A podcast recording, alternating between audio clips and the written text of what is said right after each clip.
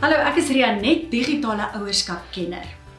Ons almal as ouers het daai dag gehad wanneer daai klein bloetjie gevra het: "Mamma, wanneer kry ek my foon?" En dan wil jy eintlik weghardloop want luister ouetjie, jy's nou net eers 6. En dan kom die groepsdruk en al daai gesprekke tevore en jy dink, "Hoe op dese aarde besluit ek wanneer die regte tyd is om vir hierdie kind 'n slimfoon te gee?" Nou, kom ons begin gou by die begin. Die internet en sosiale media is fantasties. Dit is soos 'n kiberhoofweg wat jou van A na B vat en al hierdie afdraaie om nuwe mense en plekke te kan sien. Maar soos op die regte hoofweg, kry ons dronkbestuurders en mense sonder lisensies. In die kiberwêreld is die dronkbestuurders die kriminele. Dit is daai ouens wat jou data, jou inligting, jou geld en soms jou kinders wil steel. Die ouens sonder lisensies wel dis daai ouetjies. Daai kinders van ons, want hulle het nog nie geleer hoe om veilig op hierdie kuberhoofweg te ry nie. Dink mooi daaroor.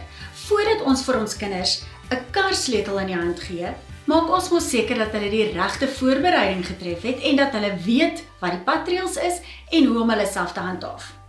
Nou in die kuberwêreld moet ons seker maak dat ons hulle voorberei en van ons moet ook bietjie meer voorbereid wees. Maar watse vrae kan mens vra en hoe bepaal jy nou wanneer die regte tyd is? So hier's 'n paar vrae wat jy kan beantwoord om jou te help om by daai antwoord uit te kom, want elke gesin is tog anders. Eerste plek, vra hoekom het julle die foon nodig? Watter tipe kommunikasie het julle nodig en met wie moet jou kind kan kommunikeer? Hierdie tipe vrae se antwoorde sal jou help om te kan bepaal is 'n slim foon nodig of sal jy sommer net 'n beginnersfoontjie aanskaf. Dan ook om te kyk na watter tipe apps gebruik julle as gesin. As jy WhatsApp byvoorbeeld gebruik, dan is 'n sekere foon nodig. Maar al hierdie tipe goed gaan saamkom by een punt.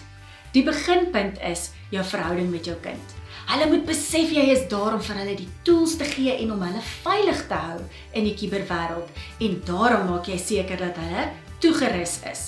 Die tweede ding is om seker te maak dat wanneer die foon aangeskel word, die regte veiligheidsstellings in plek gesit word en dat jy weet ten alle tye wat op jou kind se selfoon aangaan.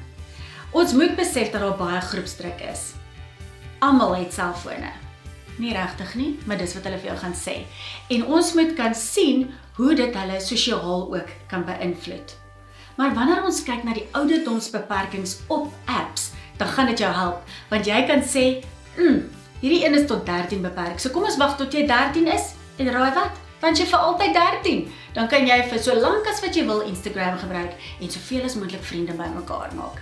So ons moet al hierdie tipe goed in ag neem wanneer ons kyk na die eerste selfoon. Nog 'n goeie ding om in ag te neem is 'n digitale grondwet. Iets wat in julle gesin die reëls en regulasies uitlê waarby almal teken. Almal kry 'n beurt om te sê hoe hulle daaroor voel en natuurlik gaan almal dan daarby bly. Dit sluit goed in soos byvoorbeeld ons deel nie foto's van mekaar wat iemand in die verleentheid gaan stel nie.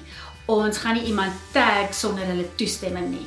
As dit 'n geskeide gesin is, moet albei ouers weet van wat gedeel word van hulle kinders. En daai tipe inligting is so so belangrik en dit kan jou as ouer help om te sê: "Hoorie meneertjie of juffrou, onthou jy die ding op die muur, ons digitale grondwet?" Dis ons reëls en jy daarbey geteken. So as ouers moet ons vir onsself ook hierdie handvatsels gee en maniere om onsself ook op die pad te hou.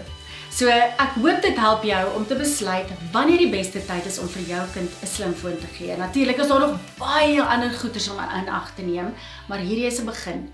En onthou, reis veilig op die internet en daar is 'n safety net.